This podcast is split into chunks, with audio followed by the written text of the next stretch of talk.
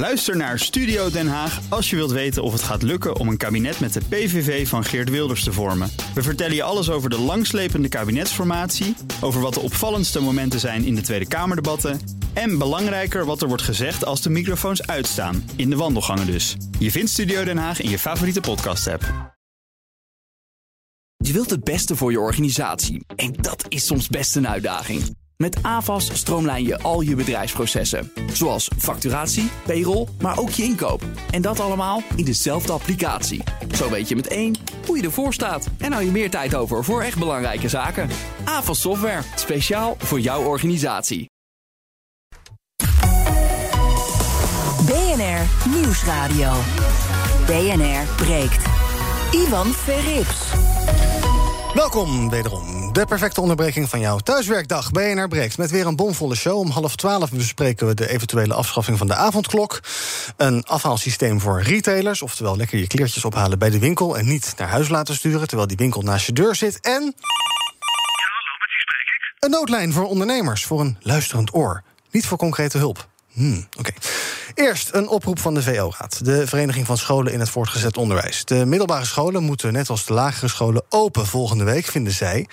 Maar kan dat wel? Willen de docenten het wel? Hoe staat het met de besmettingen op de scholen? En daarom is ons breekijzer vandaag... middelbare scholen moeten dicht blijven... totdat zeker is dat openen verantwoord is. Daarover ga ik in gesprek met mijn panel. Vandaag met eh, bij mij in de studio Vredelie Stadelmeijer... directeur van She Consult en auteurs. Goedemorgen. En Anoushka Iman-Baks is weer bij ons... directeur van Venture Café Rotterdam... en oprichter van Made at Home. Goedemorgen, Anoushka. Goedemorgen. Geen barras vandaag dus, hè? die zou je meenemen eigenlijk, maar ja. Je, je bent niet oh hier. ja, inderdaad. Is dat, is dat de reden dat je niet hier bent? Misschien, nee, de Oh. volgende keer. Komt goed. Heel goed. En ook bij ons is Mariette Winsenius. Zij is directeur van de Stichting van Werkende Ouders. Goedemorgen, Mariette. Goedemorgen. Eerst maar even ons breekijzer. Middelbare scholen moeten dicht blijven totdat zeker is dat openen verantwoord is. Als je dit hoort, kan je reageren. Door te bellen naar 020 468 4 keer 0 020 468 4 keer 0 Doe dat nu, want we praten er nu over. Dus dan kom je zo meteen bij ons in de uitzending. 020 468 4 keer 0 Mariette, middelbare scholen moeten dicht blijven totdat zeker is dat openen verantwoord is. Wat is jouw reactie? Ja, daar zijn wij het niet mee eens. Want ehm eh, totdat zeker is dat het veilig is, ehm, dan kunnen we nog heel lang wachten. En de gevolgen voor die leerlingen en die pubers zijn gewoon echt enorm groot. En het sociale aspect missen ze gewoon. Ze missen de structuur, ze missen heel veel stof. Dus wij zijn ervoor om die middelbare scholen ook zo snel mogelijk open te gooien. Ja. En dan zoals de VO-raad wil, eh, één dagje per week of gewoon eh, helemaal? Nou, het liefst helemaal. Maar wij snappen ook dat dat eh, niet heel erg realistisch is momenteel. Omdat die kinderen ook afstand moeten houden tot elkaar. Die moeten anderhalve meter afstand houden. Dus dat haal je niet in die middelbare schoolgebouwen. Nee. Vredelie, eh, open die scholen? Ja, weet je, ik vind het echt een ingewikkeld probleem. Hè? Ehm, ja, ik vind het eigenlijk ook raar dat de lagere scholen open gaan, eerlijk gezegd. Eh, en ik snap, ik snap heel goed de, de struggle eh, van kinderen, van pubers en van jonge ouders, hè, met name ook de jonge moeders. Ik begrijp dat het echt, echt heel vervelend is, maar we, we zijn nog veel verder van huis als het nou weer gierend de pan uitloopt. En ja, ik heb dat OMT-advies niet gelezen, maar ik heb er wel het een en ander over gehoord. En dan staat er in dat OMT-advies eigenlijk van jongens niet doen. Ja. En dan doen we het toch. En Ja. op zich kan dat, dat dat een politieke keuze is. Hè? Je krijgt een advies, dat hoef je niet op te volgen. Hè? Dus je kunt een politieke keuze hebben om dan te zeggen van... nou, oké, eh, we gaan toch open. Maar dan snap ik het vaccinatiebeleid niet. Dan had je moeten zeggen, we gaan niet verpleeghuisbewoners eh, vaccineren... om eens even wat te zeggen, want die steken toch niemand eh, verder aan. Ja. Hè? Ik, ik ga er even Ja, bout in. Hè? extreem oude maar mensen, even- ja. ja, hè, die gaan we niet vaccineren. Maar we gaan onderwijzers vaccineren. Zodat in ieder geval de onderwijzers veilig kunnen lesgeven. Hè, de docenten. eh, en die niemand aansteken. Hè. Of je gaat zeggen, we gaan alle dikke oude mannen vaccineren. Hè, van de 60 plus en ouder. Die gewoon, eh, weet ik veel, eh, eh, 10% overgewicht hebben. Die komen allemaal op die intensive care terecht. Die gaan we vaccineren. Dus ik, je, als je de politieke keuze maakt om scholen open te houden, moet je die keuze doortrekken in het vaccinatiebeleid. En dat zie ik niet. Want we zijn gewoon massaal nu verpleeghuisbewoners van 90 plus Ja. aan het vaccineren. Dus jij vindt dat niet consistent. Daar gaan we zo Nee. over verder praten. Anoushka, ehm, eh, ehm, ik geloof dat alle drie de dames die ik in deze uitzending spreek... alle drie kinderen hebben. Ik heb geen kinderen. Dus dat eh, eh, nou, maakt ook jullie eh, allemaal eh, Hoe kijk jij daarnaar, naar ons eh, breekijzer? Middelbare scholen moeten dicht blijven... totdat zeker is dat openen verantwoord is.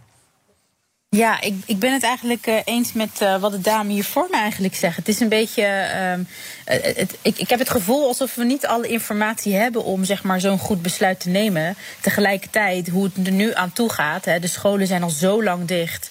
het basisonderwijs gaat gelukkig al open, maar hè, het middelbaar onderwijs, of voorgezet onderwijs nog niet. Dan denk ik, ja, maar waar zijn we nou helemaal mee bezig? En, en wat is verantwoord precies? Dus ik, ik, ik snap inderdaad, ehm, ik zou zeggen, ja verantwoord, um, uh, hou het dicht totdat het verantwoord is, snap ik. Tegelijkertijd snap ik het hele beleid ook niet meer. Um, en ik vind gewoon van ja, we moeten ook perspectief bieden aan deze leerlingen. Ik denk dat de problemen, um, de risico's en problemen hierna alleen maar veel groter worden als die leerlingen nog langer thuis blijven. BNR breekt. Breekijzer. Ons breekijzer is vandaag. De uh, middelbare scholen moeten dicht blijven totdat zeker is dat openen verantwoord is. Uh, bel nu door naar 020 468 4x0. Kom door met jouw mening. 020 468 4x0. Ik heb Harry Geen aan de lijn. Goedemorgen, Harry. Goedemorgen. Zeg het maar. Ik denk dat Nederland vaak naar het buitenland moet kijken hoe het uh, daar gaat. In Oostenrijk bijvoorbeeld gaan volgende week de middelbare scholen ook half open. Twee dagen per ploeg. En alle leerlingen krijgen iedere keer dat ze beginnen, dus ieder, iedere, voor, voor, iedere twee dagen, een uh, sneltest. Mm -hmm. Wie niet wil, die blijft thuis. Hetzelfde geldt voor de contactberoepen.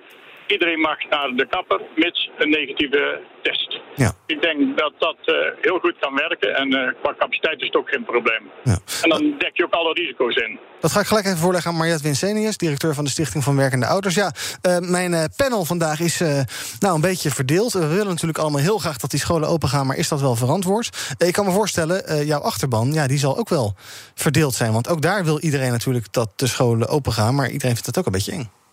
Nee, klopt. Wij hebben dit ook gevraagd aan ouders. Daar zie je ook dat het 50-50 is eigenlijk. Oh. Heel veel ouders die zeggen, nou, heel goed dat die scholen open gaan. Wij zien de gevolgen voor ons kinderen. In het onderzoek blijkt ook dat 80% van de ouders zich zorgen maakt over de negatieve gevolgen van de lockdown op hun kind. Uh, dus wat je ziet is dat er heel veel ouders heel blij zijn, uh, bijvoorbeeld dat die basisscholen weer open gaan.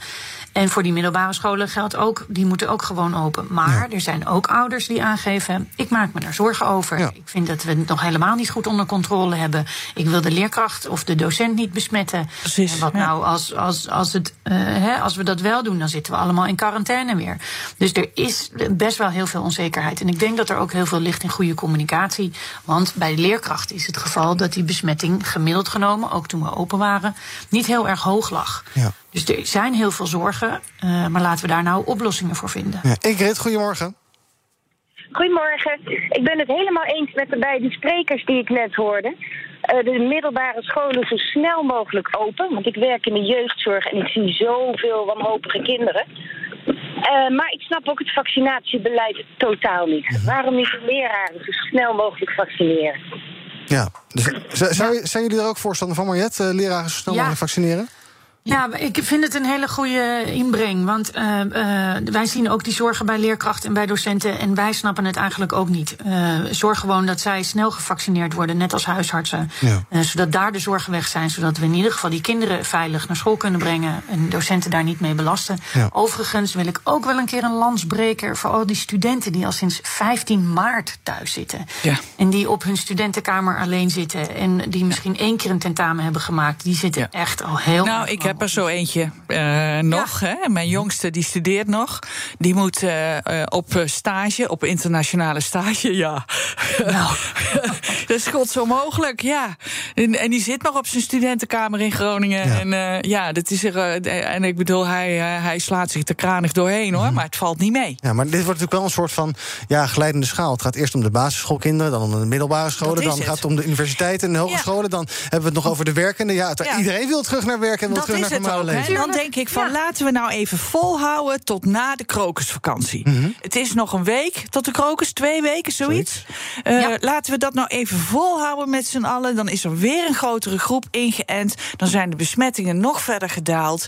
En dan, dan, dan, dan voorkomen we misschien die derde golf. Maar ik ben zo bang dat wanneer we nu weer de basisscholen opengooien, de middelbare scholen opengooien, dat we gewoon weer bij terug bij af zijn. En dat ja. we gewoon weer hoppakee in een nog strengere lockdown moeten in maart. En ja, dat zie ik gewoon echt niet zitten. En dan denk ik van, maar ja, is, is die ene week dan nu zo belangrijk dat we dat moeten doen voor de krokus? Ik ga zo uh, Dave Harmsen van der Vliet aan het woord laten. Eerst even nog een vraag aan Anoushka. Want uh, ik kan me goed voorstellen dat ouders ook denken van ja, uh, kinderen naar school natuurlijk. Maar ja, kinderen die kunnen elkaar aansteken. Kinderen kunnen ouders weer aansteken of grootouders. Um, dat, ik kan me heel voorstellen dat die heel veel zorgen hebben. Wat, wat zou je tegen die ouders zeggen, Anoushka? Ja, ja vind, vind ik het lastige. Ik denk dat, weet je, gezien waar we nu allemaal met z'n allen al een tijdje in zitten, zijn dit de zorgen die er altijd al leven. Ik denk dat er gewoon heel veel behoefte is aan perspectief en antwoorden. Gewoon een, een realistisch vaccinatiebeleid, um, helderheid en ook gewoon perspectief van oké, okay, hoe verder. Ik denk dat uh, het feit dat we de scholen openen niet, niet zeg maar alleen uh, nou, de oplossing is. Het gaat ook veel verder. Ja. Het gaat ook, uh, hè, nou ja, goed, hoe de thuissituatie van ouders. Um, hoe gaat het met de kinderen zelf, met studenten? Um, ja. ja. Dave Harmsen van der Vliet, goedemorgen. Hoi, goedemorgen. Ja, ik hoorde uiteindelijk het item en ik voel mij als vader van vier kinderen, uh, daarnaast ondernemer, geroepen om me toch een keer ook te laten horen. Vertel. Um, ja, wat mij betreft um, zetten ze alle scholen inderdaad weer open. Um, ik ik uh, onderken uiteraard het gevaar niet voor de kwetsbare doelgroepen. Mm -hmm. Maar ik zou vooral heel graag willen zien dat de overheid vooral zich daarop richt... en daaromheen de vrijheid en het perspectief, wat nu ook al een aantal keer is, uh, is benadrukt... het perspectief weer bieden. Mm -hmm. um, ik ervaar om den lijve hoe heftig en hoe um, nou ja, neveneffecten het heeft om kinderen in hun vrijheden te ontnemen. En um, met alle kracht en energie waarin het digitaal onderwijs natuurlijk wordt ingericht ja, vul je daar een hele hoop gaten niet mee. En nee. ik begrijp ook als geen ander van, nou ja, nog een weekje langer wachten tot de krokusvakantie. Alleen volgens mij zijn we nu al bijna een jaar uh, die piketpaaltjes aan het slaan. En, en biedt dat ook niet het perspectief voor de maatschappij waar we nu zeg maar uh, ja, in zitten. Ja, en dat je daar dan enig risico mee neemt als het gaat om die coronabesmettingen. We zien, uh, die, we zien die verschillende varianten opkomen. op zich gaat het redelijk goed met de besmettingscijfers. Maar als je kijkt naar die Britse variant, ja, die rukt wel op, relatief gezien. dat, dat risico moeten we dan maar, nou, ik zou bijna zeggen, voor lief nemen? Nou ja, in mijn optiek met alle respect wel. En, en ik bedoel ook echt alle respect, -hmm. omdat ik weet dat dit levensbedreigend voor bepaalde doelgroepen kan zijn. Uh, maar ook voor heel veel groepen totaal niet. En um, ik wil het daar dus helemaal niet klein mee maken, maar ik wil eraan in de urgentie mee aangeven dat ik mij als ouder zijnde en ook als ondernemer me ontzettend druk maak om, om, om nou ja, wat zijn de lange termijn effecten van de lockdown zoals dat die nu al is en zoals dat die nu al een langere periode is. In mijn optiek zijn we er nog lang niet. Um, echter, het, er valt te wachten volgens mij op iedere mutatie ja. vanuit de, de evolutie. Uh, hebben we vaker allerlei virussen en griepen gehad. Um, die wellicht minder agressief was dan in de huidige vorm. Maar ik denk dat als je je focus legt op de kwetsbare doelgroep en de bescherming hiervan en hieromheen, dat we als maatschappij een stuk verder en sneller uh, uit de huidige problematiek komen. Dankjewel. BNR breekt. Ivan Verrips. Dat was Dave Harmsen van der Vliet. En ik krijg een uh, appje binnen van Robert. Die zegt: als er één besmet is in de klas, dan moet straks de hele ja. klas thuis blijven. De ouders ook. Ja, Lekker. Precies. Nou, daar uh, kan je dus helemaal niet op rekenen. Exact. Dus. Hoe vaak moet je dan dus straks dan, in quarantaine? Dan word je toch ook helemaal knetter? Ik maak heel veel het appje van Robert af. Die zegt: dicht houden. Ik ben ondernemer. Mijn vrouw heeft een kapperszaak. Straks steeds dicht omdat er een besmetting is. Ja, uh, ja. ik kan me heel goed voorstellen. Maar ook dat die ouders. dit is natuurlijk hartstikke onzeker als die kinderen weer naar school gaan. Ja, hier is nog echt heel veel onduidelijkheid over. En hier maken wij ons ook wel echt ernstige zorgen over. Want ze gooien dus wel de scholen open, maar de restricties worden zo groot dat zo direct toch weer al die kinderen thuis zitten en we nog nergens zijn. Dus de vraag is dan: is het dan niet verstandiger om toch nog langer dicht te blijven, maar ouders op een andere manier tegemoet te komen? Mm -hmm. Ook al zien wij bij die ouders en bij die kinderen gewoon wel elke dag de gevolgen op ons meldpunt binnenkomen. Ja. Die, die, die, die burn-outs lopen gewoon momenteel heel sterk op. Ja, hoe zou je die dan verder tegemoet kunnen komen? Nou, wij pleiten al een hele tijd langer voor coronaverlof. Dat schijnt technisch heel erg ingewikkeld te zijn. We hebben ook gekeken naar, kun je ouders nou niet een vergoeding bieden... zodat zij bijvoorbeeld uh, een oppas kunnen inhuren... zodat ze wel hun werk kunnen doen. Uh, er zijn verschillende manieren, maar het schijnt allemaal technisch heel erg moeilijk te zijn geweest. Ja. Dus wellicht heeft dat bijgedragen aan, we gooien dan toch de scholen open. Want uh, we zien dat het, de gevolgen zo groot zijn voor die kinderen en voor die ouders. Maar dus ook voor werkgevers. Maar het snottenbellenbeleid, zoals wij dat noemen, Oh, dat gaat er weer aankomen. Ja, dat klinkt heel vies. Maar het gevolg is, is dat als jouw kind één keer een snottebel heeft of een kuchje heeft, dat dan de leerkracht of de pedagogisch professional uh, belt en zegt: je moet je kind komen halen, want het heeft een snottebel. Nou, eh, zoals we allemaal weten, hebben alle kinderen snottebellen. Dus dan zitten al die kinderen binnenkort weer allemaal thuis. Ja, en uh, sneltesten, kan dat nog enig soelaas bieden? Nou, zeker. Uh, in het onderwijs wordt daar al heel erg naar gekeken. Dit gaat ook gelden voor de kinderopvangprofessionals, dus daar zijn we heel erg blij mee. En um, er wordt ook gezegd, kinderen moeten veel meer getest worden. Dus wij pleiten ervoor dat dat alleen met de sponsjesmethode mag gebeuren. Ja. En niet met, met die vreselijke staaf uh, die dan in de Kant, iets zachter. Oh, Dankjewel. Iets zachter. Ja, sorry. Oh, iets nee, geef niet. Praat maar verder, Mariette. Dat, dat, dat zijn een beetje een soort watjes die je in je mond moet hebben, geloof ik, hè? Ja, daar, daar kou je dan een beetje Ja. op. Uh, en dan vervolgens kan je daar ook een coronatest uh, mee uitvoeren. en Ja. dat is wat minder invasief voor die kinderen, wat minder heftig. Maar inderdaad, als een, als een quarantaineregel gaat worden... um, uh, dat je een één iemand besmet in de klas en de hele klas naar huis... en ouders ook binnen blijven, dan weet ik niet wat de juiste beslissing is. Ja. Nou zeggen de deskundigen van het OMT... die raden onder meer aan om oudere kinderen in koppels te laten gaan samenwerken. Waar mogelijk, zeggen ze dan, moeten zij anderhalve meter afstand van anderen houden. Um, Anoushka, wat is jouw inschatting? Uh, kinderen die afstand houden, dat klinkt als een soort uh, contradictio in terminis. Ja, nou volgens mij kunnen volwassenen al geen afstand houden. Ook als ik buiten kijk. Ook als iedereen uh, een kopje koffie gaat halen buiten, uh, staan ze ook heel dicht bij elkaar. Dus kinderen, ja, dat lijkt me ook niet echt haalbaar. Nee, niet echt realistisch. We gaan nog even twee. Uh, oh ja, zeg maar. Ja, mag ik die uitleggen? Want dat hebben wij inmiddels wel begrepen van het ministerie. Dat gaat er heel erg om dat als je dus in kleinere groepjes werkt, wat in veel scholen gewoon al gebeurt, dan hoeft alleen dat groepje naar huis in quarantaine en niet een hele klas. Dus dat is het idee daarachter. Uh, en wij vragen ook ouders, hè, als we open gaan, om goed rekening te houden met andere kinderen en docenten als er een ziekteverschijnsel is. Ja. Ik ga nog even twee uh, bellers aan het woord laten. John van der Geest, goedemorgen. Goedemorgen, Van der Geest. Ik wil even melden, de, we zijn nu bijna een jaar in de coronapandemie. Ja. En we, we, zijn, uh, we hebben uh, een 13 tot 14.000 sterfgevallen inderdaad gekregen. Dat is, dat is erg genoeg. Mhm. Maar als we kijken naar het aantal kinderen, wat nu van deze lockdown allemaal thuisgehouden wordt en de ouders die daarmee belast worden, de psychische klachten van die kinderen en de gevolgen voor de lange termijn, die wegen gewoon niet op tegen de 13.000, laat het 15.000 sterfgevallen per jaar zijn. Nee. Want we praten hier niet over, we praten hier wel meer over een miljoen kinderen die op dit moment op enige vorm van thuisonderwijs bezig zijn. En ik merk, het, ik merk het thuis ook. Als je ziet de kwaliteit van het onderwijs, je kunnen nog zoveel mooie programma's op opzetten. Het is niet te vergelijken met het, het fysiek aanwezig zijn in een klas en het fysieke contact met een leraar die een uitleg geeft. Ja, dus als jij de afweging moet maken van... er zijn uh, een, een, paar duizend uh, uh, ouderen, hè, zeg maar 80, 90-plussers... die toch al misschien ziek zijn, die dan overlijden... dat weegt, ja, het is hard om te zeggen... maar dat weegt dus eigenlijk niet op tegen het thuishouden van die kinderen. Nee, want het is niet alleen deze 10, 12 maanden dat we nu bezig zijn met een lockdown. En ik snap ook best dat het virus voor sommige mensen gewoon een dodelijk virus is. Maar we, we praten hier over een miljoen mensen, een miljoen kinderen in de leeftijdscategorie van 5 tot uh, 20 jaar, die op deze manier allemaal in principe in een moderne gevangenis thuisgehouden worden. Ja. En die wel alle gemakken voorzien worden. Maar de psychische klachten onderling. Ik heb zelf kinderen in de leeftijd van 5 tot uh, 20.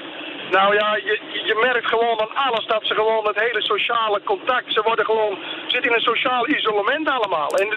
de die jongeren ook, die zeggen ook op weekenden, ik snap die rellen, die keur ik absoluut niet goed, maar je kan op een gegeven moment, het, het is niet meer te houden. Je kan het een tijdje volhouden, maar de regering die zal op een gegeven moment zelf ook de ogen moeten openen.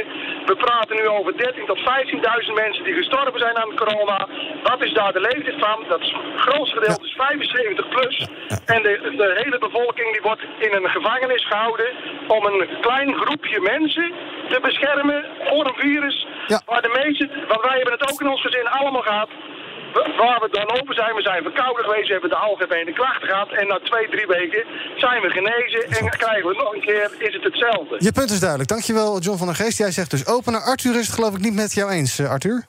Hallo, ik ben precies het tegenovergestelde van oh. deze meneer. Vertel maar tegenovergestelde dan. Ik, uh, op, ja, ik, uh, ik ga een, een, klein verhaaltje vertellen. Ik nou, ben kort, iemand van ja, kort. Ik ben iemand van na, net na de oorlog, dus in 41 geboren.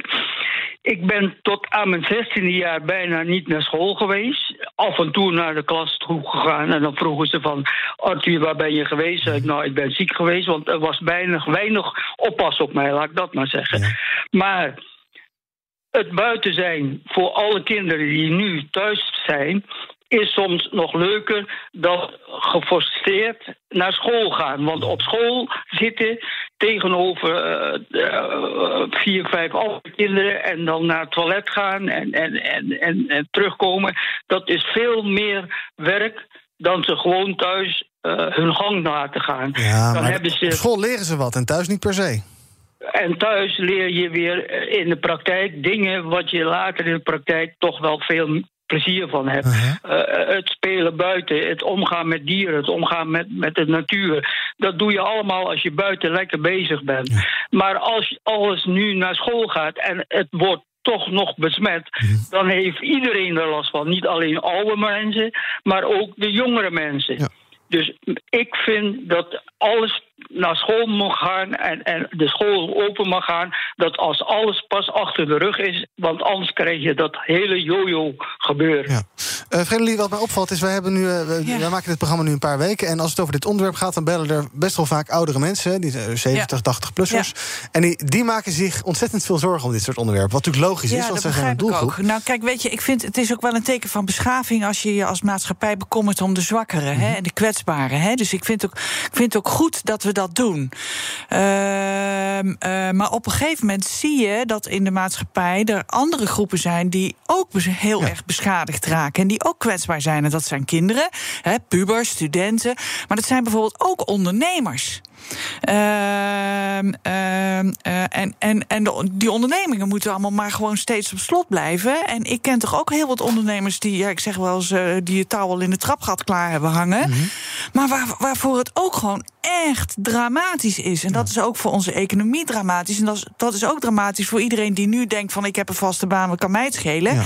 Dat kon wel eens een keertje heel anders lopen. Dus ehm, ehm, ik denk dat, dat we er allemaal bij gebaat zijn als, als we dat virus eronder krijgen. En ja, dat, dan, dat dat dan betekent dat de scholen nog wat langer dicht moeten blijven, is heel vervelend. Ja, maar ik, ik- ja, nou ja, goed. Ik heb gezegd wat ik daar. Ja, het is moeilijk, hè? Ja, maar het is moeilijk. ja, en ja. ik begrijp dat het niet leuk is als je 80 plus bent en je krijgt te horen van eh, ja, u krijgt geen vaccin, want. eh, eh, maar ja, weet je, als je 80 plus bent, heb je ook een mooi leven gehad, hoop ik. Ja, en dus belangrijk om jezelf dan goed te beschermen ook Precies, tegen mogelijke besmettingen. ja, ik wil nog even iets aan jou voorleggen, eh,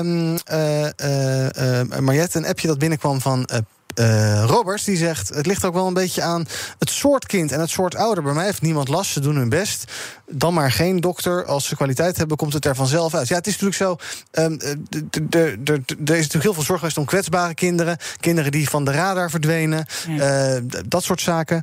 Ehm, zou je niet moeten zeggen van nou, kijk, kinderen die dat thuis heel goed kunnen, die goede faciliteiten hebben, laat die nog een tijdje thuis zitten. En voor kinderen voor wie dat toch wel beter is, dat je die naar school laat gaan? Of zeg je, nee, daar, daar kunnen we niet aan beginnen? Nou, het lijkt mij een onmogelijke klus, omdat je niet kan zien wat er achter die voordeur gebeurt. Mhm. Er zijn heel veel ouders die aangeven: het gaat eigenlijk hartstikke goed met mijn kind. Eh, ik ben het juist achterstanden aan het wegwerken die ik heb gezien. Er zijn ook ouders die zeggen: Nou, ik zie, ik zie nu hoe mijn kind zich gedraagt. Dat, eh, ik heb meer respect voor die leerkracht gekregen dan ooit tevoren. Ja. Ja, Eh, er zijn ouders die heel goed hun kind kunnen begeleiden. Er zijn ouders die, die eh, er moeite mee hebben omdat die de taal niet vaardig zijn. Of omdat ze te weinig laptops in huis hebben. Of de wifi het niet goed doet. Kijk, dat kunnen wij met elkaar niet zo makkelijk bepalen. Ik denk dat de scholen dit heel goed voor elkaar hebben gehad afgelopen, afgelopen tijd. Dat ze heel goed oog hebben voor die kinderen die eh, extra begeleiding nodig hebben. Die konden ook naar scholen, naar de noodopvang. Ehm, maar een streep trekken door jij wel en jij niet. Ja, eh, dat werkt niet lijkt. Ja. Tot slot voor nu even, Mariette. Eh, volgende week gaan dus de basisscholen weer open. Wat is jouw beeld van de be- besluitvorming in Den Haag als het gaat om die middelbare scholen? Eh, zit, daar, zit daar ontwikkeling in? Of is dat iets wat eigenlijk politiek onbespreekbaar is? Of wat, wat, hoe is jouw, wat is jouw Nou, idee er erbij? wordt wel over gesproken over hoe ze dan open zouden moeten Mhm. gaan. Daar mogen wij over meedenken. En de gevolgen daarvan. Ik ik kan niet inzien over een politiek besluit of ze wel of niet open gaan. Dat is echt aan het kabinet. En dat kijken ze, voor zover ik dat kan zien, elke keer heel zorgvuldig kijken ze daarnaar. Ja. Uh, maar wij hopen gewoon dat die, ook die pubers, maar ook die studenten gewoon weer, dat het leven weer een beetje normaal wordt. En dat hoop ik ook voor al die ondernemers, voor al die horecazaken en eigenlijk voor iedereen. Ja. Ook voor alle opa's en oma's. Ik wou net zeggen, ook voor die ouderen. Dankjewel. Marjat Winseni is directeur van de Stichting Werkende Ouders. Zometeen praat ik verder met Anoushka en met Vrenolie. Natuurlijk over die eh, persconferentie van vanavond. Daar blikken we een beetje op vooruit. Uh, die avondklok gaat daar een prominente rol spelen. Gaan we nog langer daarmee door. Een afhaalsysteem voor winkeliers.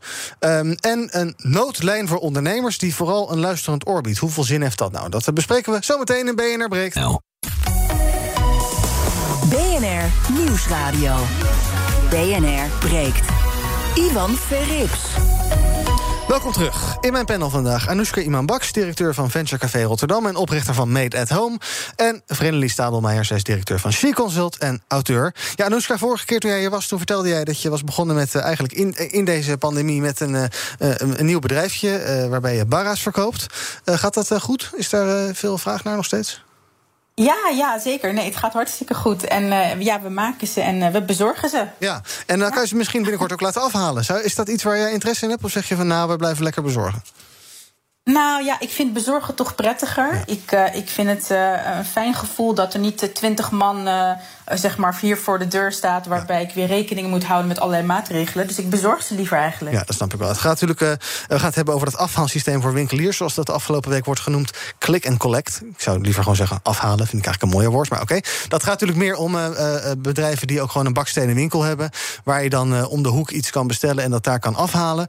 Um, in plaats van dat je het moet gaan bestellen online... en dan moet het met een doos naar je toe komen. Uh, Frenlie, ben je blij dat je binnenkort in jouw... Ik weet niet precies waar je woont, maar dat je binnenkort... In dat je in Weesp weer naar ja. winkels kan gaan... en daar gewoon iets kan ja. afhalen wat je daarvoor even via de telefoon of via dat de kan al hebt. Dat is helemaal geen probleem. Maar dat mag niet. Ja, nou, het gebeurt gewoon bij iedere oh. winkel in Weesp. Hangen briefjes op de deur uh, uh, met van, die, van die codes en in de etalage. En dan kan je gewoon opbellen en dan kan je zeggen... nou, dat jurkje en dat, die broek. -hmm. En, hè, of, dus je kan het zo ook ophalen.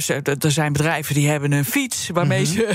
ze la, langskomen om. Nou, dat mag, je, mag, je mag wel bezorgen, maar je mag het formeel ja. nu niet ophalen bij een winkel. Ja, maar maar dat gebeurt gewoon massaal. En, ja. en dat vind ik ook goed trouwens. Hè? En wat we leuk vinden in Weesp hebben we ook een aantal winkels die hebben verrassingstassen. Die, waar, waar je gewoon een verrassingstas kan kopen. Als je een cadeautje voor iemand nodig hebt of zo, koop je gewoon een verrassingstas. En daar doen ze dan wat, uh, wat in. Wat je dan kan ophalen. Dus uh, ja, het gebeurt gewoon al massaal. En dat vind ik ook prima. Weet je, je zal gewoon mijn winkelier zijn nu en de winkel vol hebben hangen met de wintercollectie. Ja, joh, wat, wat. En de, en de zomercollectie heb je al lang besteld. Die ja. komt eraan. En je winkel, die rekken hangen nog vol. Wat, wat moet je? Ja. Dat is toch verschrikkelijk? Dus, dus ik, ik, ja, prima. Ja, is dat iets waar jij, Anoushka, wel naar uitziet? Dat je weer gewoon iets kan halen bij een winkel? Oké, okay, je kan dan niet uitgebreid winkelen en door kledingrekken heen en uh, uh, dat soort dingen. Maar dat je, ik heb bijvoorbeeld zelf, ik woon in Haarlem. Ik heb iets besteld online bij een winkel die bij mij in de buurt zit. Maar dat kon het daar niet ophalen. Dus het is met een doos naar me toegekomen. Terwijl, ja. Oh, dat is toch ook onzin? dat is natuurlijk ook een beetje raar. Ja. Ja, ja, dat is ook wel raar. Ik heb wel vaak wel uh, vragen van mensen die zeggen: joh, mag ik het bij je komen ophalen? Want dan heb ik een excuus om even weer een rondje te lopen. Ja. Dus dat, dat snap ik ook wel. En, en, en ja, weet je, alles inpakken in een doos, vervolgens een dag wachten, uh, verzenden en, en ja, al het afval. slaat gewoon nergens op. Je, nee. Gelijk heb je. En Vreemdeling, maak je dan niet zorgen omdat het dan veel te druk wordt in de winkelstraat? Want dat lees ik ook wel terug. Dan ga je natuurlijk rijen krijgen, want de HEMA's gaan ook meedoen en de actions. Dan ga je daar rijen met mensen voor krijgen die dingen gaan afhalen. Of zie je nou ja, ik, ik, in Weesp kun je overal alles afhalen wat je ja. maar wil. Uh, en daar zie ik geen rijen. Nee, en Toch. mensen houden zich keurig netjes aan, uh, aan de afstand. Dus daar, daar zie ik eigenlijk nee. Het ongehoorzaam dorp is dat Weesp? Weesp is een stad, ja. Oh, pardon, ja. En heel erg leuk. En eigenlijk en is het uh, officieel al Amsterdam. Dus en dat ongehoorzame komt dat van Amsterdam. Oh, dat is de schuld van Amsterdam, ja, precies. Even een vooruitblik op vanavond. Dan staan uh, Mark Rutte en Hugo de Jonge weer met een persconferentie om 7 uur uh, voor ons klaar. Natuurlijk ook hier te horen op BNR. Nou, zoals altijd is er weer een hoop uitgelekt. Want lekken is een Haagse ziekte, zo zei Arie Slop gisteren. zo wil Hugo de Jonge eigenlijk niet van versoepelingen spreken. Gisteren na het overleg met de burgemeesters in het Veiligheidsberaad zeiden van ja, als je eerlijk bent over het epidemiologisch beeld, dan is daar gewoon heel weinig ruimte om een stap te zetten. Want er komt een derde golf aan. Dat betekent dat je heel behoedzaam moet zijn. Hugo de Jonge wil dan dus niet praten over versoepelingen. Maar er gaan wel geruchten. Nou, de, de basisscholen gaan dus weer open. Maar ook de avondklok die zou dan toch wel weer aan de straat worden gezet. ehm, ergens volgende week.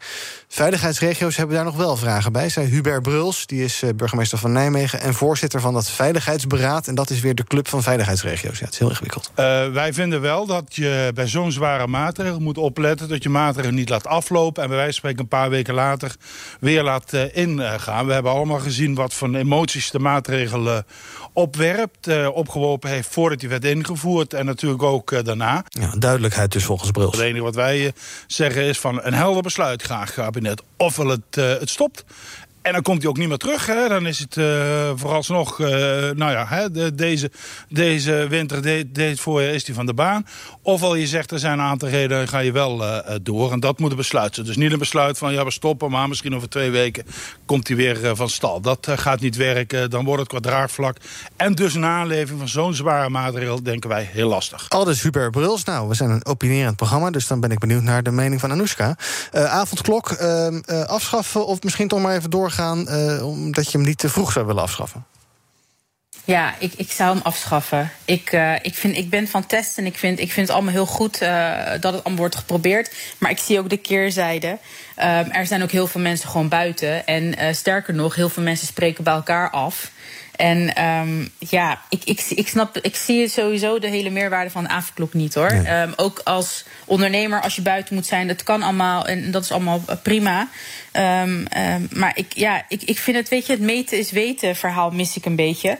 Eh, van wat heeft het nou eigenlijk teweeggebracht? Lost het wat op? Zo ja, dan gaan we ermee door. Maar ik heb het gevoel alsof we gewoon niet alle antwoorden hebben. Nee, nee, die hebben we natuurlijk nog niet. Want die, die avondklok die is, eh, nou, hoe lang is die nu actief? Iets meer dan een week. Terwijl eigenlijk pas na, eh, na twee weken zie je misschien in de cijfers iets van wat dat ja, teweeg kan hebben gebracht. Dus dan zou je misschien kunnen zeggen, ja, hou hem dan maar even. Want dan zien we nog wat dat, wat dat in die besmettingscijfers doet.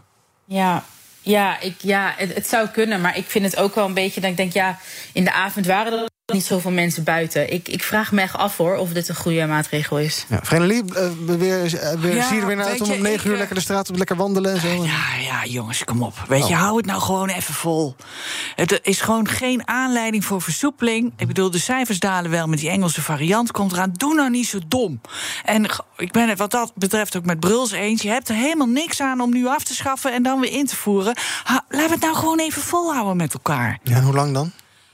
Nou ja, tot in ieder geval de, de, de, de, we een fatsoenlijke vaccinatiegraad hebben. En totdat, totdat we. Nou, dat kan, met het huidige tempo kan dat nog maanden gaan duren. Ja, maar je moet ook anders vaccineren. Ja. Maar goed, dat, eh, dat heb ik net, eh, net in het eerste helft Mhm. al gezegd. Begin nou te vaccineren met de, de, de te dikke Ja. 50-plus man. Ja.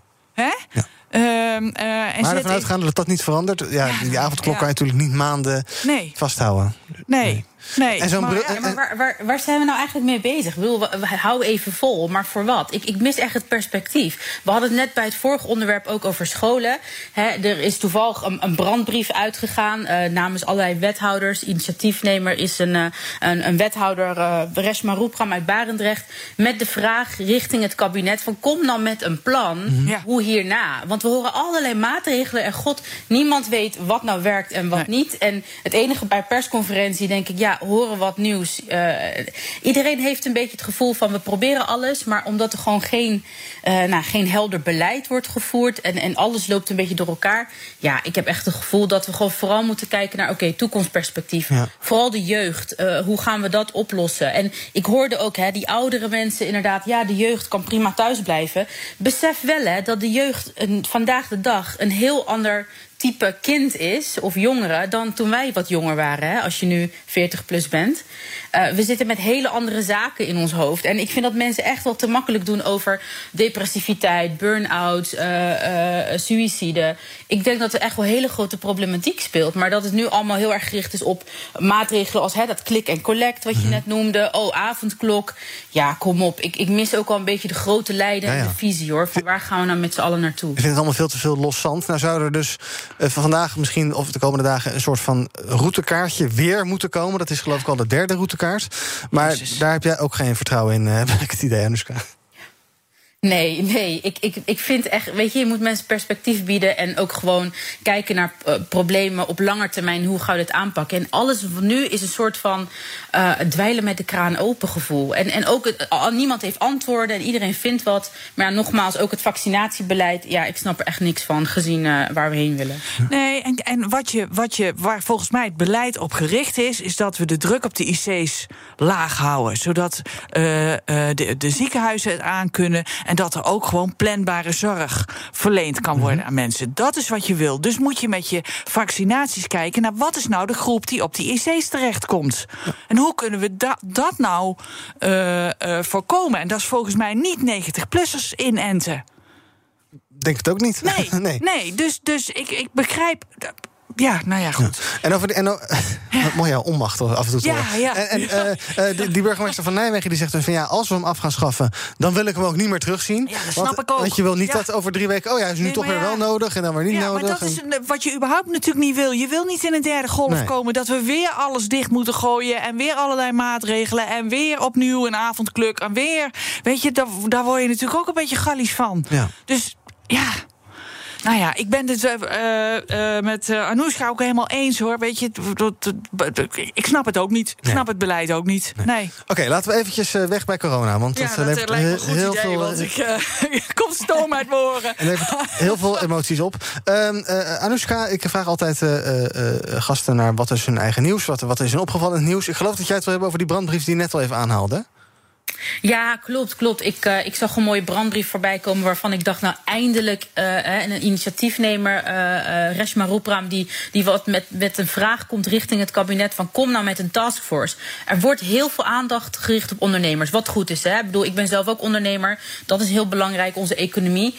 Maar ik mis ook echt wel gewoon het jeugdbeleid. Een, een steunpakket voor, voor deskundige hulpverleners. Het gaat niet alleen om niet naar school gaan, het gaat ook om de studenten, het gaat om werkgelegenheid geestelijke gezondheid, uh, uh, alles rondomheen. Dan denk ik, ja, er is echt wel een hulpkreet. En ook ouders uh, die, die gewoon thuis zitten. En ik, nogmaals, hè, corona maakt ook heel veel klassenongelijkheid zichtbaar. Hè? Want we hadden het net over van de kinderen die het goed hebben, laten we thuis. De kinderen die het niet goed hebben. Ja, weet je, waar zijn we nou mee bezig? We moeten gewoon een, gewoon helder actieplan hebben. Zoals, zodat, zoals nu ook voor de ondernemers hè, van alles is, moet er ook gewoon voor de, voor de jeugd en, en de, de hulpverleners daaromheen iets worden opgetuigd. En ik ben blij dat ik die brandbrief zag en dacht van ja, eindelijk. Uh, allerlei wethouders die dit ook hebben getekend. Uh, en ook gewoon roepen om, het is code rood, kom nu met een plan. En ik hoop echt dat het uh, demissionair kabinet zegt... oké, okay, binnen vier, vier maanden hebben we hier gewoon een, een lange termijnplan... hoe we uit deze pandemie komen en waar we heen gaan. Want dat mis ik, dat perspectief, maar ook gewoon beleid. Zometeen ga ik aan Verenigd vragen wat haar nieuws uh, van vandaag is. Wat haar is opgevallen. Is ja, het is keihard inderdaad. um, maar eerst, ja, kijk, jij staat hier, dus ik kan je niet te lang laten wachten. Nee, laatst die blik keer, in mijn ogen. Laatst een keer gedaan, ja. geloof ik. Je had te lang laten wachten. Ja, zeker. je weg. Ja. Sorry daarvoor. nou, het maakt niet uit. Je hebt oh. het nu meer dan goed gemaakt. Dankjewel. Ik, wat ga je in zaken doen zometeen, ik Thomas? Ik vertellen dat. Bas van der Veld te gast is. Hij is de grote man van oh, Avas, softwarebedrijf. Nog steeds een heel financieel stabiel softwarebedrijf. Maar ook natuurlijk een bedrijf dat uh, groot is in de sponsoring in de culturele sector. Uh, de voetbalclub AZ bijvoorbeeld, maar natuurlijk ook de, de podia, uh, waar natuurlijk uh, minder is verdiend. Wat betekent dat voor de overeenkomsten die gesloten zijn? En Avos is ook een bedrijf waar je ja, onderdeel bent van de cultuur. Ja. Waar het eigenlijk wel de bedoeling is dat je op kantoor verschijnt. En waar uh, ja, werk en privé in elkaar overloopt. Maar dan niet omdat je allemaal thuis werkt. Mm -hmm. Dus wat gaat Avos doen met kantoorruimte? Wordt dat meer, wordt dat minder? Daar gaan we het over hebben. Um, er komt ook iemand vertellen over Law and the Party in China. En dat klinkt zo ongeveer hetzelfde, hè? De wet en de partij. Mm -hmm. Dat lijkt in elkaar over te lopen. Maar er is heel lang gedacht dat China langzaam naar ons toe zou bewegen. Dat het een democratie zou worden. En dat we dat ook allemaal zouden moeten toejuichen. Want wij Westerlingen kijken natuurlijk op onze eigen manier naar China. Is dat wel wenselijk? Begrijpen we daarmee de Chinezen? Um, dat gaan we bespreken. Het beleggerspanel is er. En wij beginnen zo meteen met Jurien Koops van de ABU... die in NRC vanochtend zei... als we op deze manier met arbeidsmigranten omgaan... dan komen ze niet meer. En dan komen wij onszelf ook op een harde manier tegen. Want dan ontstaan er grote tekorten. Mag ik ook een vraagje nou, voor, je, voor uh, de meneer van de AFAS, Bas van het Veld, uh, neerleggen? Zeker. Wat hij doet om uh, de thuiswerkende ouders te ondersteunen. Hebben ze een oppasservice? Hebben ze, wat hij zit aan de aan? andere kant van het glas. Ja. Dus nou ja, hij heeft niet. het ongetwijfeld meegekregen. Ja, okay. Een oppasservice. Ik ga het, ik ga het vragen. Nog, okay, meer vragen die, nog meer vragen die je hebt of niet? Nou, ik, ik denk dat dat een belangrijke ja. is voor Goed. alle thuiswerkende Nou, de beantwoording, als het, ga je dat vragen zo meteen? Zeker. Ja, over twaalf een halve minuut. Nou, iets langer. In zaken doen hier op BNR. BNR breekt. Ivan Verrips. Friendly, wat is jou opgevallen in het nieuws? Waar wil je Nou ja, je weet eh, dat eh, ik in de vrouwenhandel zit, hè? Eh, Zo kan je het ook noemen, ja. ja, nee, mijn bedrijf eh, traint en coacht uh, hoogopgeleide vrouwen met als doel uh, meer vrouwen aan de top en meer vrouwen met impact en plezier aan het werk uh, te laten zijn. nou, dat doen we op heel veel verschillende manieren. We hebben 22 vestigingen in Nederland waar we vrouwen coachen. Maar we, en daar wil ik eigenlijk, dat wil, daar wil ik wat over vertellen. Mm -hmm. Over, we hebben een collegereeks ontwikkeld mm -hmm. van zes webinartjes van een uur. Uh, gebaseerd op het wetenschappelijke inzicht dat het vrouwenbrein anders is dan het mannenbrein. Mm -hmm. Iris Sommer, professor in Groningen, heeft daar een boek over geschreven. En wij uh, vertalen die wetenschappelijke inzichten over hoe dat vrouwenbrein dan anders is naar de praktijk. En hoe kun je daar als vrouw nou je voordeel mee doen en wat kun je als man daarvan leren? Ja. En dat hebben we uitgezet bij een aantal grote ondernemingen en ministeries en bedrijven. En sinds vorige week, dat is het goede nieuws, sinds vorige week loopt het storm. We hebben echt ongelooflijk veel aanmeldingen van banken, accountantskantoren, verzekeraars, ministeries, mm -hmm. uh, gemeentes, uh, die die massaal hun uh, uh, groep medewerkers, met name vrouwen, aanmelden voor dat college. Ja. En dat, dat, dat is voor mij een teken dat het leeft en dat het ook, ondanks alle corona-ellende waar we het eigenlijk het hele uur zo'n beetje over gehad hebben, dat er toch ook dit als een belangrijk onderwerp wordt gezien, wat het natuurlijk toch ook gewoon echt is. Ja. En waar, want, want afgelopen week zag ik nog een nieuwskopje dat over uh, vrouwen in uh, Raad van Bestuur en Raad van Commissarissen. Dat was maar amper iets opgeschoten, ja, geloof ik. Ja, dat schiet dus gewoon niet op. En dat, dat, uh, dat besef is, is denk ik, dat daalt langzaam maar zeker een beetje in. want hoe, zijn, hoe, hoe is het vrouwenbrein dan anders dan het mannenbrein? Oh ja, weet je, als je, dan moet je die colleges ja, daarover gaan. Het, nou, het, het, het is uh, uh, bijvoorbeeld kleiner, maar veel effectiever. Oké. Okay. Dus dat heft, dat heft elkaar op. Maar vrouwen zijn, het vrouwenbrein is bijvoorbeeld veel beter in het lezen van gezichten. Mm -hmm. uh, is veel beter in staat om emoties te lezen aan de andere kant van de tafel. Dat is een voordeel, dat is ook een nadeel.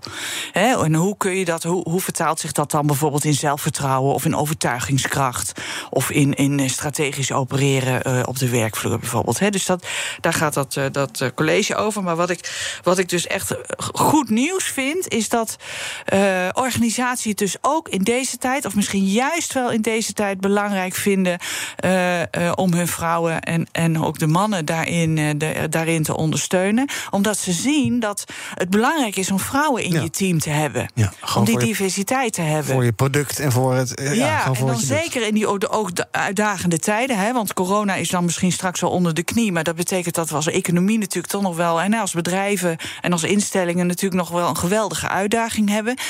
We weten dat diverse teams, hè, met, met evenveel mannen als vrouwen, gewoon beter in staat zijn om te innoveren, uh, tot creatievere ideeën komen, uh, betere beslissingen nemen. En dat hebben we gewoon keihard nodig. Nou, wellicht helpt, helpt die, jouw collega-reeksje ja, bij, dus bij aan meer de top. top. Ja. Mooi zo. We doen even een kort rondje over de sociale media... om te kijken wat er trending is. Nou ja, allerlei corona-gerelateerde zaken weer. Uh, COVID-19 persconferentie. Ook sneeuw houdt de mensen bezig op de socials. Ik heb hier in Amsterdam nog niks gezien... maar ik weet niet of dat in de rest van het land ook zo is. Kan best wel eens op sommige plekken wel sneeuwen. Uh, er is ook uh, tijd en ruimte voor de leuke dingen in de wereld. Bijvoorbeeld op Fleur Twitter. En dan zie je posts als Hans zijn grootste hobby was fotobommen. En dat blijkt dan een alpaca te zijn... die constant filmpjes verknalt... door aan oren te gaan snuffelen van filmers. Ja, ja. En dan ook nog opvallend was de Nike Fly Ease. Dat is een sneaker zonder veters. Waarbij je ook je handen niet meer nodig hebt om in die sneaker te komen. Want die, die sneakers die hebben een soort scharnier. Die staan een soort gebogen als je ze niet aan hebt. Een soort gebogen schoen. Ja. En dan stap je erin. En dan klik je zo met je achterkant van je voet. Klik je in die schoen. En andersom. Ooit bedacht voor mensen die een beperking hebben. Dus die het moeilijk vinden Ja. om uh, met, uh, Ja. met hun handen bij hun schoenen te komen. Of uh, niet goed daarbij kunnen komen. Uh, 120 dollar en echt foei lelijk. Maar, um, maar waarom zou je die willen hebben? Nou, bijvoorbeeld uh, als je een beperking hebt. Of, Ja, als je, dat snap ik. of als je van innovatie houdt. Het is wel innovatief, het is wel mooi bedacht. Het is eigenlijk gewoon een soort instapper. Ja, maar dan, ja. maar, dan- maar, maar dan dus met een soort mooi kniksysteem... waarbij je dus niet het gedoe hebt... Ik, ik ga je niet overtuigen, hè? Nee. Nee, laat nee. maar, oké. BNR breekt. We hebben nog een paar minuutjes in deze uitzending van BNR Breekt. Ik wil het toch even met jullie hebben over eh, iets uh, nou, best wel serieus. Uh, we weten allemaal dat ondernemers het zwaar hebben in deze tijd... Die maar doorgaat en doorgaat. Slapeloze nachten door financiële zorgen, personeel dat thuis zit... persoonlijke zorgen. En voor die ondernemers is er nu een noodlijn.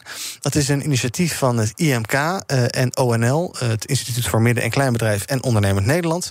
En Michiel Hoordijk van IMK zegt er het volgende over. De eerste opzet van deze MKB-noodlijn is om een luisterend oor te hebben, want die ruimte is er niet. En vervolgens hebben we voldoende gelegenheid om je verder te helpen naar een oplossing toe, als die er is. Maar om daarop door te pakken. Ja, dus ze hebben eigenlijk een, lijn die, nou, ik zou bijna zeggen, misschien wat meer de zachte kant van de crisis uh, ook, uh, ook behandelt. In plaats van dat het allemaal over praktische op, oplossingen gaat en hoe je dat nou moet regelen.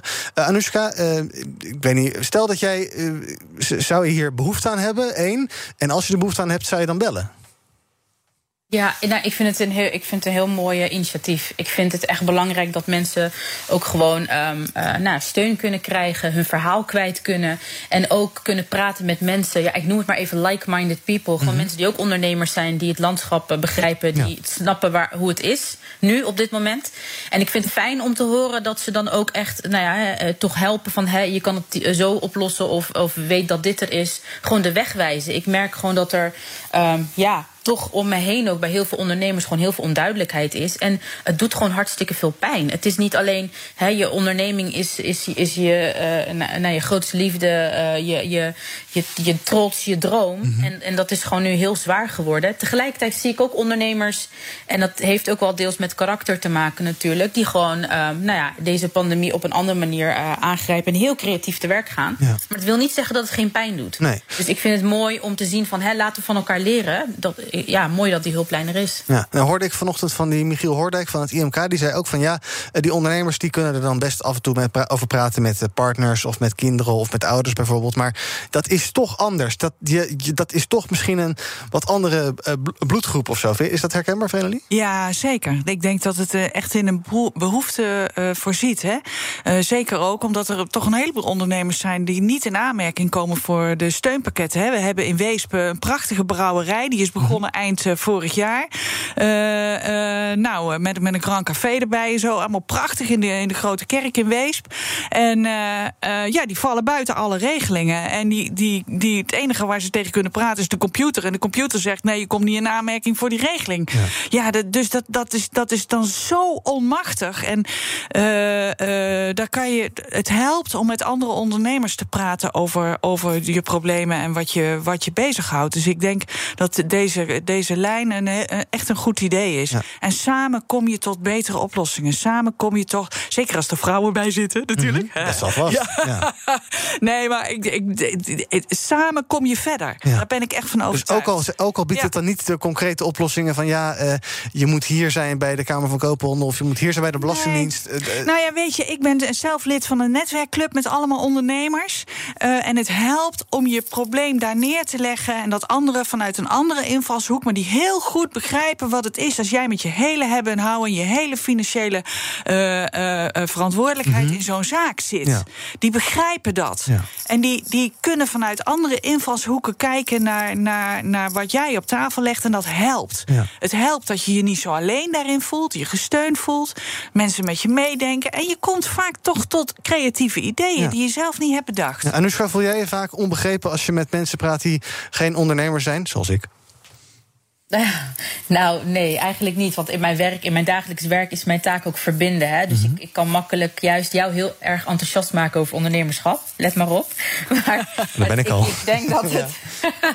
nee, maar ik, ik vind het. Um, um, ja, het is goed om, om met elkaar in verbinding te staan, ook op deze manier. En ja, kijk, praten met, met uh, inderdaad mensen om je heen die, die geen ondernemer zijn, is echt wel anders. En ik merk ook zelf hoor, als ondernemer zijnde, zelfs mijn vriendenkring is ook gedurende de jaren ook gewoon heel erg veranderd. Ik ben ook echt om, gaan gaan, uh, om eh, omgegaan met mensen die eh, nou ja, zelf ook ondernemer zijn of die, die in dat wereldje actief zijn. En dat gaat soms ook geleidelijk, omdat je toch elkaar wat beter begrijpt. Ja. Nou, voor hen die daar behoefte aan hebben, de hulplijn is te bereiken via 088 990 4 keer 0 is een ander nummer dan ons telefoonnummer. 088 990, maar het eindigt op 4 keer 0 um, Mocht je daar behoefte aan hebben, er zitten geloof ik uh, 15 of 20 mensen klaar... en ze kunnen opschalen als dat nodig is. Hoe heet hij ook alweer, die ondernemerslijn? Hoe heet hij? Ja, het is van het IMK. Het is een, het is een hulplijn. Ik geloof niet dat hij echt, oh, okay. dat hij echt een naam heeft. Okay. Uh, maar als je het nummer nog een keer wil uh, doen... gewoon even googlen IMK hulplijn, dan kom je er vast. Ja. Dank. we zijn aan het einde van deze uitzending van BNR Breek. Dank aan Anoushka Imanbaks, directeur van Venture Café Rotterdam... en oprichter van Made at Home. En Vrenelies Stadelmeijer van She Consult en auteur. Het was weer leuk. Mooi zo, dat vond ik ook.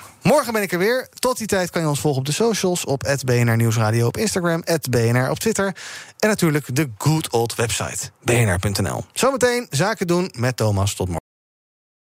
Ook Thomas van Zeil vind je in de BNR-app. Je kunt live naar mij luisteren in Zaken doen. De BNR-app met breaking news, het laatste zakelijke nieuws... en je vindt er alle BNR-podcasts, bijvoorbeeld Het Nieuwe Geld. Download nu de gratis BNR-app en blijf scherp.